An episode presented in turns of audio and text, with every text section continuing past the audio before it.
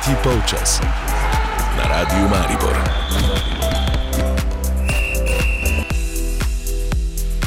Spoštovane poslušalke, cenjeni poslušalci, dobrodan v družbi tokratnega tretjega polčasa za znako 24. maj 2021. Ja, o čem le bo tekla beseda v današnjem dnevu, kot pa o koncu slovenskega državnega nogometnega prvenstva. Jubilejna 30. sezona je za nami.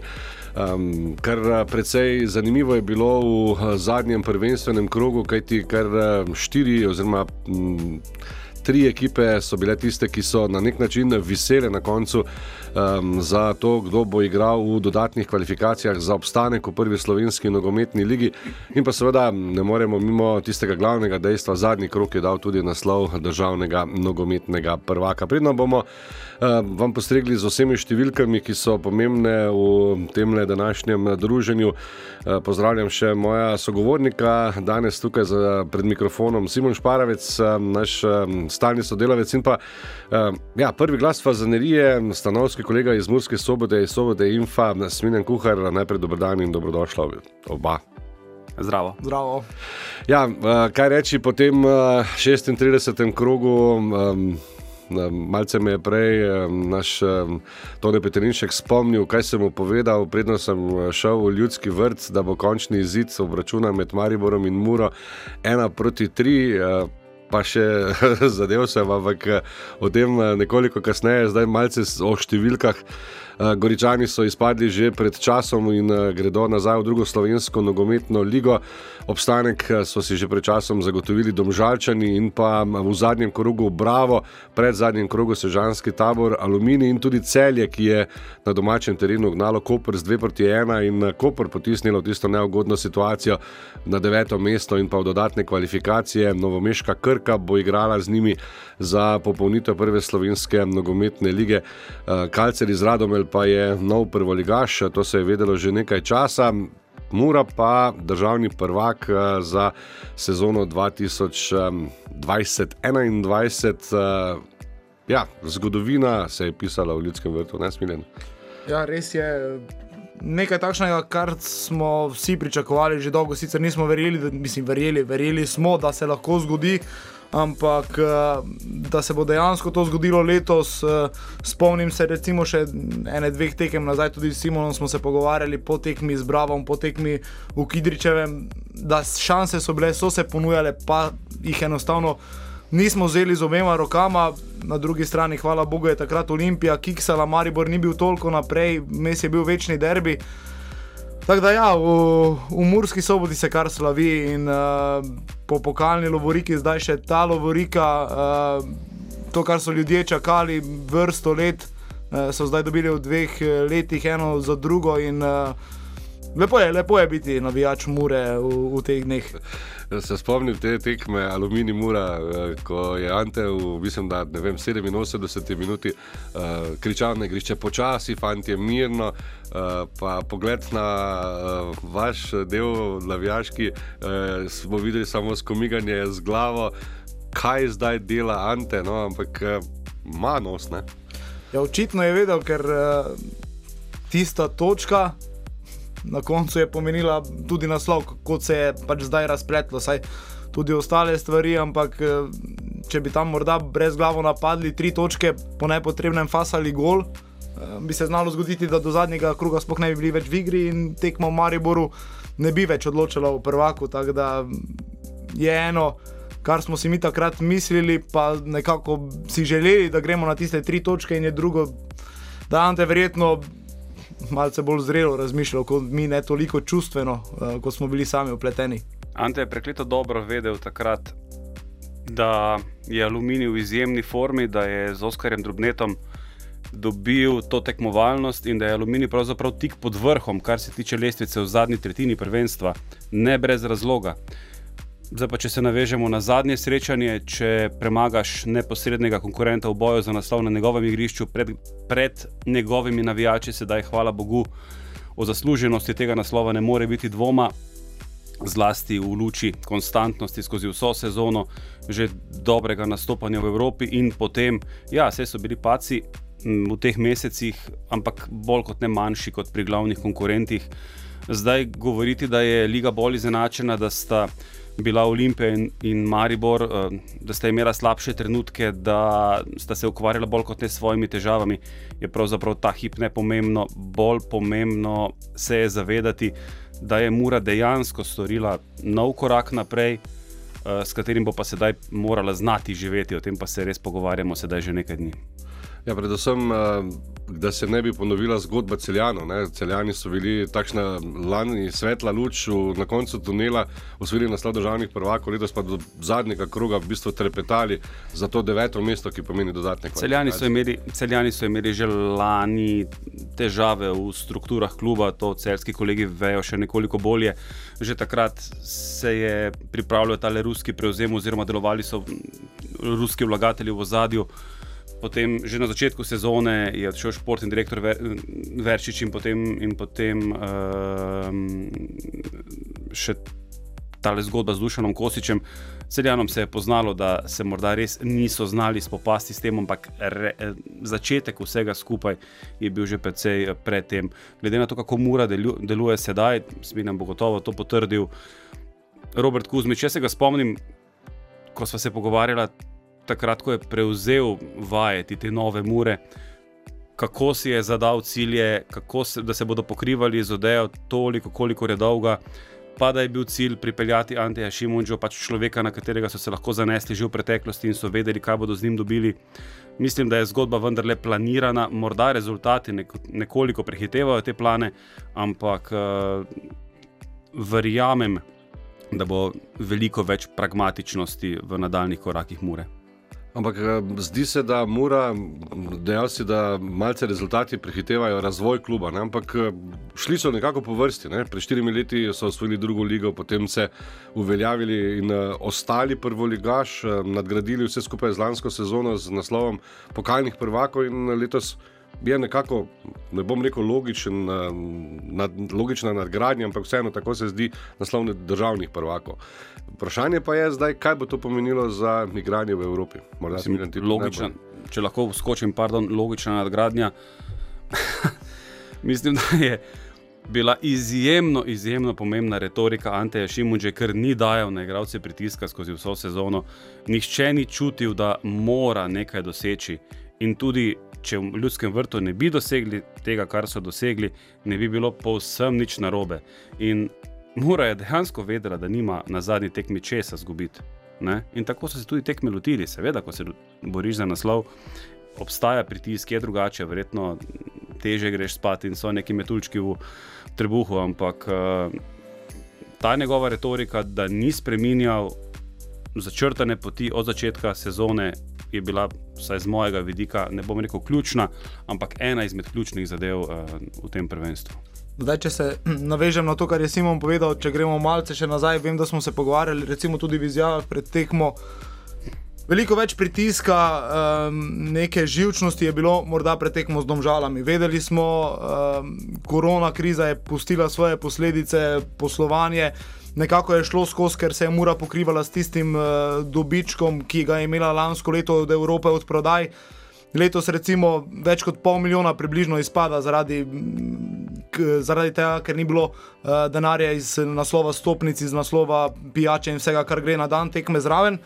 In uh, tisto je bilo zavedanje, da če ne pridemo v Evropo, da to zna tudi na nek način vplivati na klub, v kakšni meri nismo vedeli.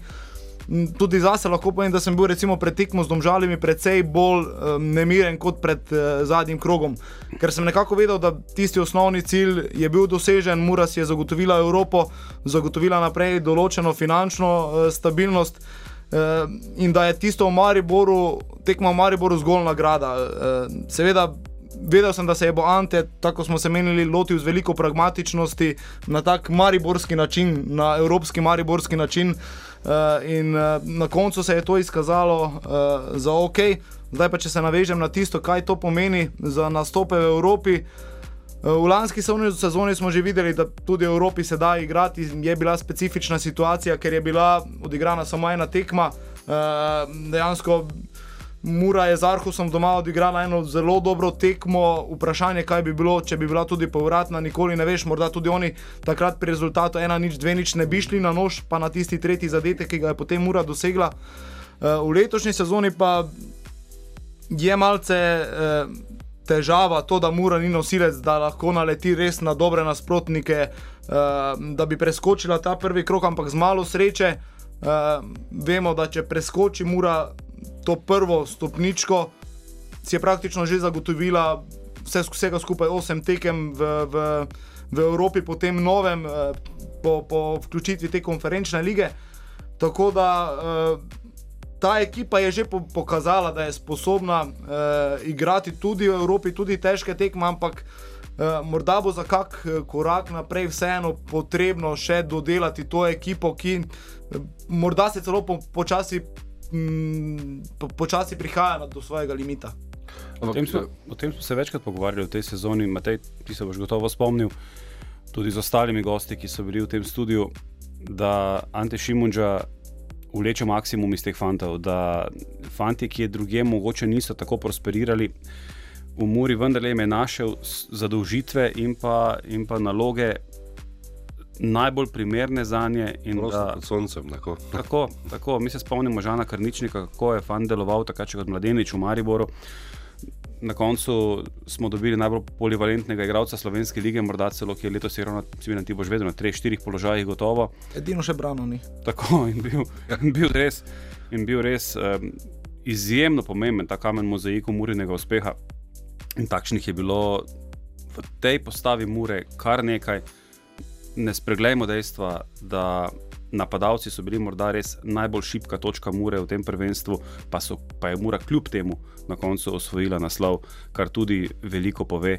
Tako da, ja, jaz bi se kar strinjal s tem, da morda je nek limit dosežen, kadrovanje kluba bo sedaj zelo, zelo pomembno, ampak ravno ta dotok denarja, ki ga prinašajo kvalifikacije za Ligo Prvakov, bodo v veliko pomoč sobočanom in ravno zaradi tega je tudi Mariborčanom precej žal, da niso šli v te kvalifikacije za, za Ligo Prvakov, ker bo, bodo nadaljni korake še toliko težji, ne le za Mariborčane, tudi za vse ostale, ki bodo igrali v kvalifikacijah te nove konferenčne lige. Ja, seveda, to je denar, je sveta vladar in tudi ta pritok denarja v Muro se bo moral nekako tudi seveda, poznati na. Eh, željah in ambicijah, pa tudi na izboru igralcev, ki bodo prišli recimo, sestavljati ta Murin mozaik, ki je zdaj z naslovom državnega prvaka, seveda, dobil popolnoma drugačne eh, razmere in gabalite. Na glasbo si bomo privoščili, vmes pa nadaljujemo z današnjim tretjim polčasom. Tretji polčas. Smilen kuhar, Simon Šparavec in Matej Štrafela smo še vedno v družbi tokratnega tretjega polčasa.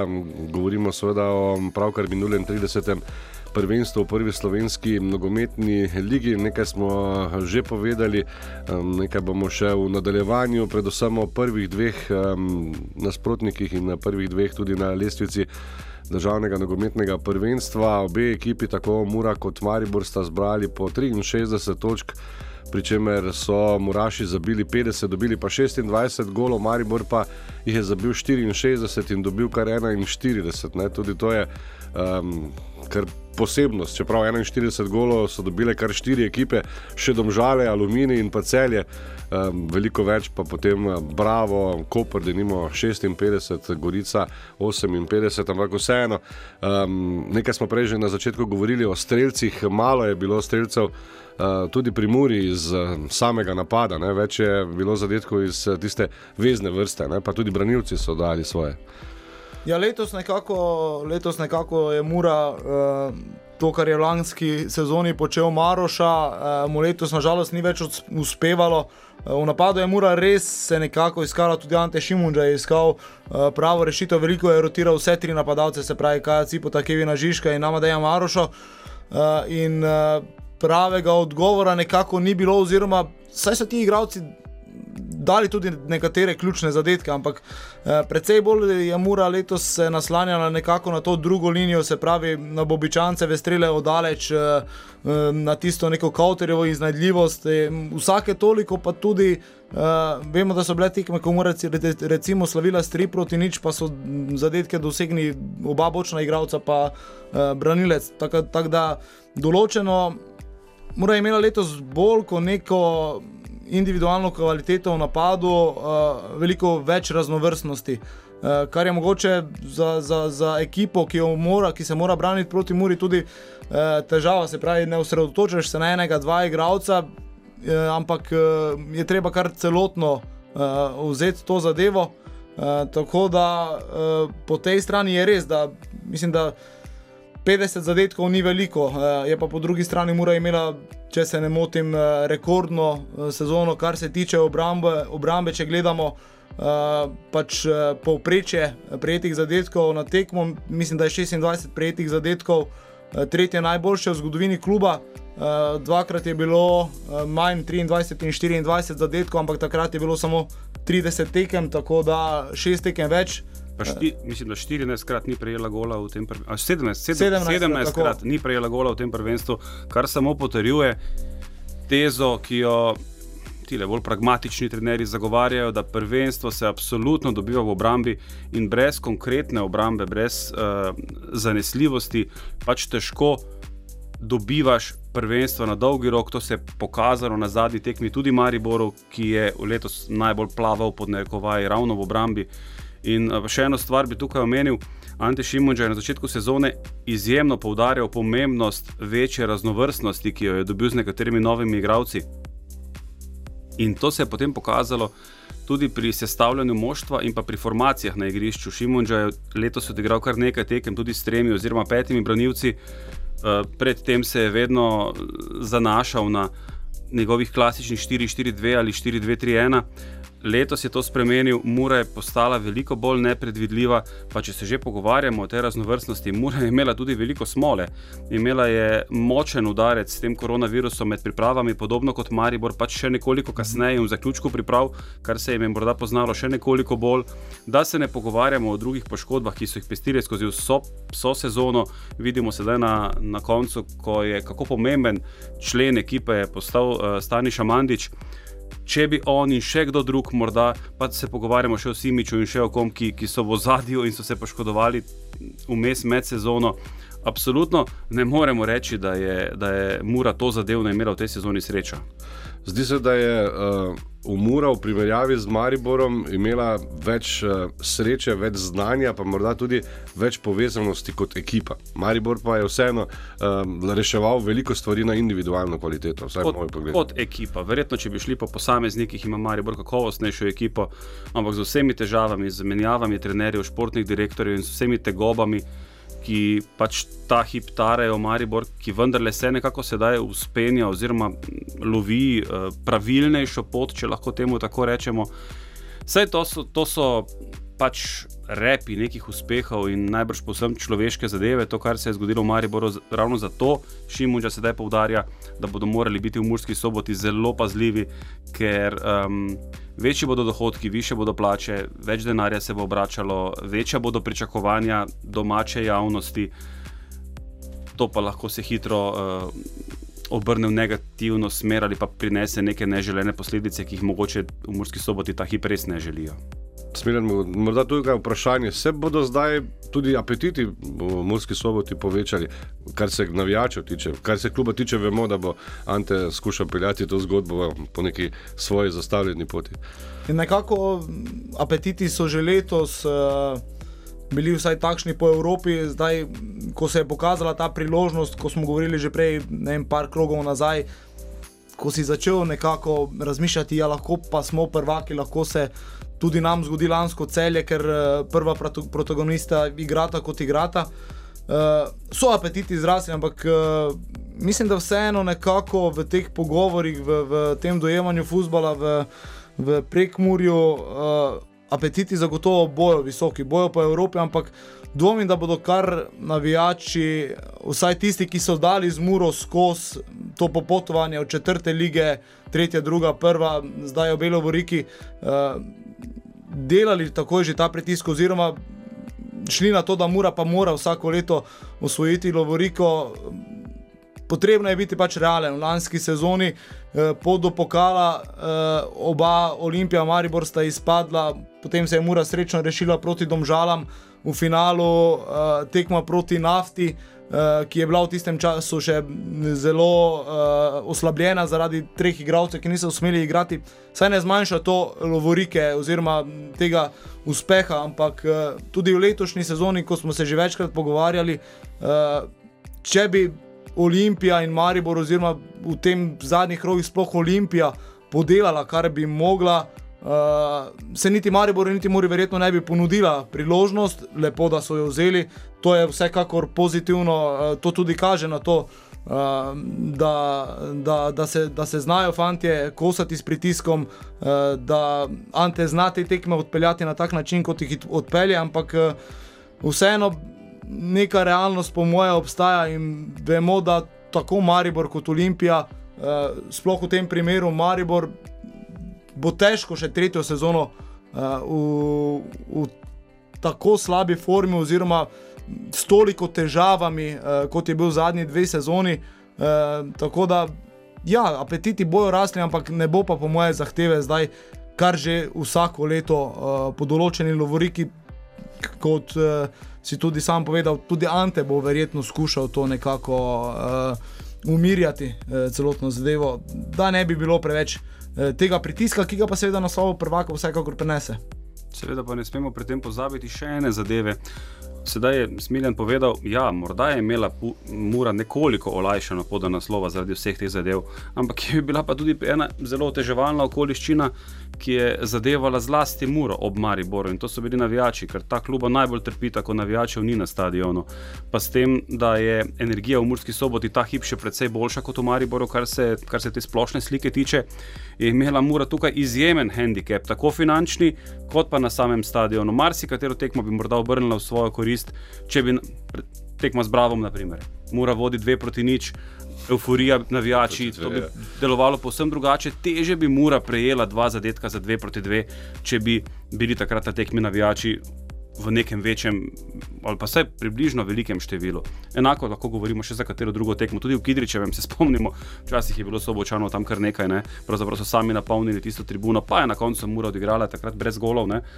Morda bi bilo tudi to drugače. Želim le povedati, da tudi Mura absolutno še premore rezerve, da okolje še premore rezerve. Nažalost, ta finančni deficit bo vedno prisoten, hendikepirano um, okolje, pač severovzhod države, finančno absolutno ni tako močen kot, uh, kot center. In tu bo nekoliko težje, ampak Ante Šimunča ima izkušnje tudi iz Maribora, ve, kako je takrat Maribor gradil tisto zgodbo in prepričan sem, da bo sedaj to zanašanje na Evropo in pa na prodajo igralcev tudi tisti temelj, na katerega se bodo v Murski soboti oprijeli, kolikor se, kolikor se le da. Kakšen teden dni bo zdaj eh, mira, kar se tiče nogometa, danes teden se začne prestopni rok. Eh, trgovanje bo živahno, verjetno bodo se vsi želeli okrepiti, predvsem zdaj ti prvi trije klubi, ki gredo v Evropo, jutri še Eh, finale slovenskega nogometnega pokala, si upa, kdo odvaja napovedati, kakšen bo izid. Izvoli, Smiljan, ti dam. Jaz stavim v celjane. Glede na trenutno formo, uh, glede na to, kaj se trenutno dogaja, uh, bi jaz rekel, da bodo celjani vzeli naslov uh, z vsem spoštovanjem do Olimpije, ampak glede, glede na trenutno stanje, je moj favorit osebno celje. Se strinjam, glede na trenutno podobo celjanov, ki le kaže na to, da se splača, da velja zaupati slovenski stroki, da Slovenija premore kup mlajših, sposobnih strokovnjakov, ki še niso dobili priložnosti. V tem prvenstvu smo dobili šalijo, pa drobneta. Pa Grabič je naredil naslednji korak naprej. Ante Šimunž je pokazal, kaj se da storiti v okolju, ki tega doslej ni bilo vajeno. Videli smo, kar se je zgodilo v Mariboru z Maurom Kamranezijem in še prej s Sergejem Girovičem da se o Olimpiji sploh ne pogovarjamo. Tudi tam je Goran Stankovič um, prebudil moštvo po vseh težavah, ki so jih imeli. Tako da, glede na vse skupaj, bi bila celska zmaga v finalu pokala zgolj potrditev tega, in pa mogoče tudi nek kaži pot, pa opozorilo. Za vse ostale klube, kaj se da narediti, če obstaja v klubu vizija in pa, in pa um, Delo na dolgi rok, To kaže tudi Ante Šimunča v Murski soboti. Kaj se da narediti v bistvu šestih krogih? Ne? Da enostavno zbudiš moštvo in da ga postaviš In to, nazaj. in to kako? Jaz sem prepričan, da bo Ivan Božič bo absolutno na radarju marsikaterega kluba tudi v Sloveniji. Ta hip, kako se je tale fant prebudil, prepričan sem, da, da je še kdo takšen v Sloveniji. Drugo vprašanje pa je, kdo od glavnih slovenskih klubov, pa sedaj štejem v ta komplet tudi Muro, si bo lahko kogarkoli od teh zanimivih fantov iz celja, Tomžal, morda tudi Brava, Aluminija, sploh lahko privoščil, ker trenerji, športni direktori govorijo, da so pričak- pričakovanja teh fantov velika, zagotovo za. Um, Po domače rečeno, kikiriki v Mursko soboto noben ne bo šel igrati. Videli bomo, kaj bo prinesel prestopni rok, kot smo dejali, začne se čez eh, en teden, morda bomo čez 14 dni malce bolj eh, pametni. Smiljen kuhar, eh, Simon Šparavec, Matej Štrafela sem bil pred mikrofonom, to je bilo vse v današnjem tretjem polčasu. Štan Figoš, hvala za tonsko brezhibnost, slišimo se znova čez 14 dni. Tretji polčas. Na radiju Maribor.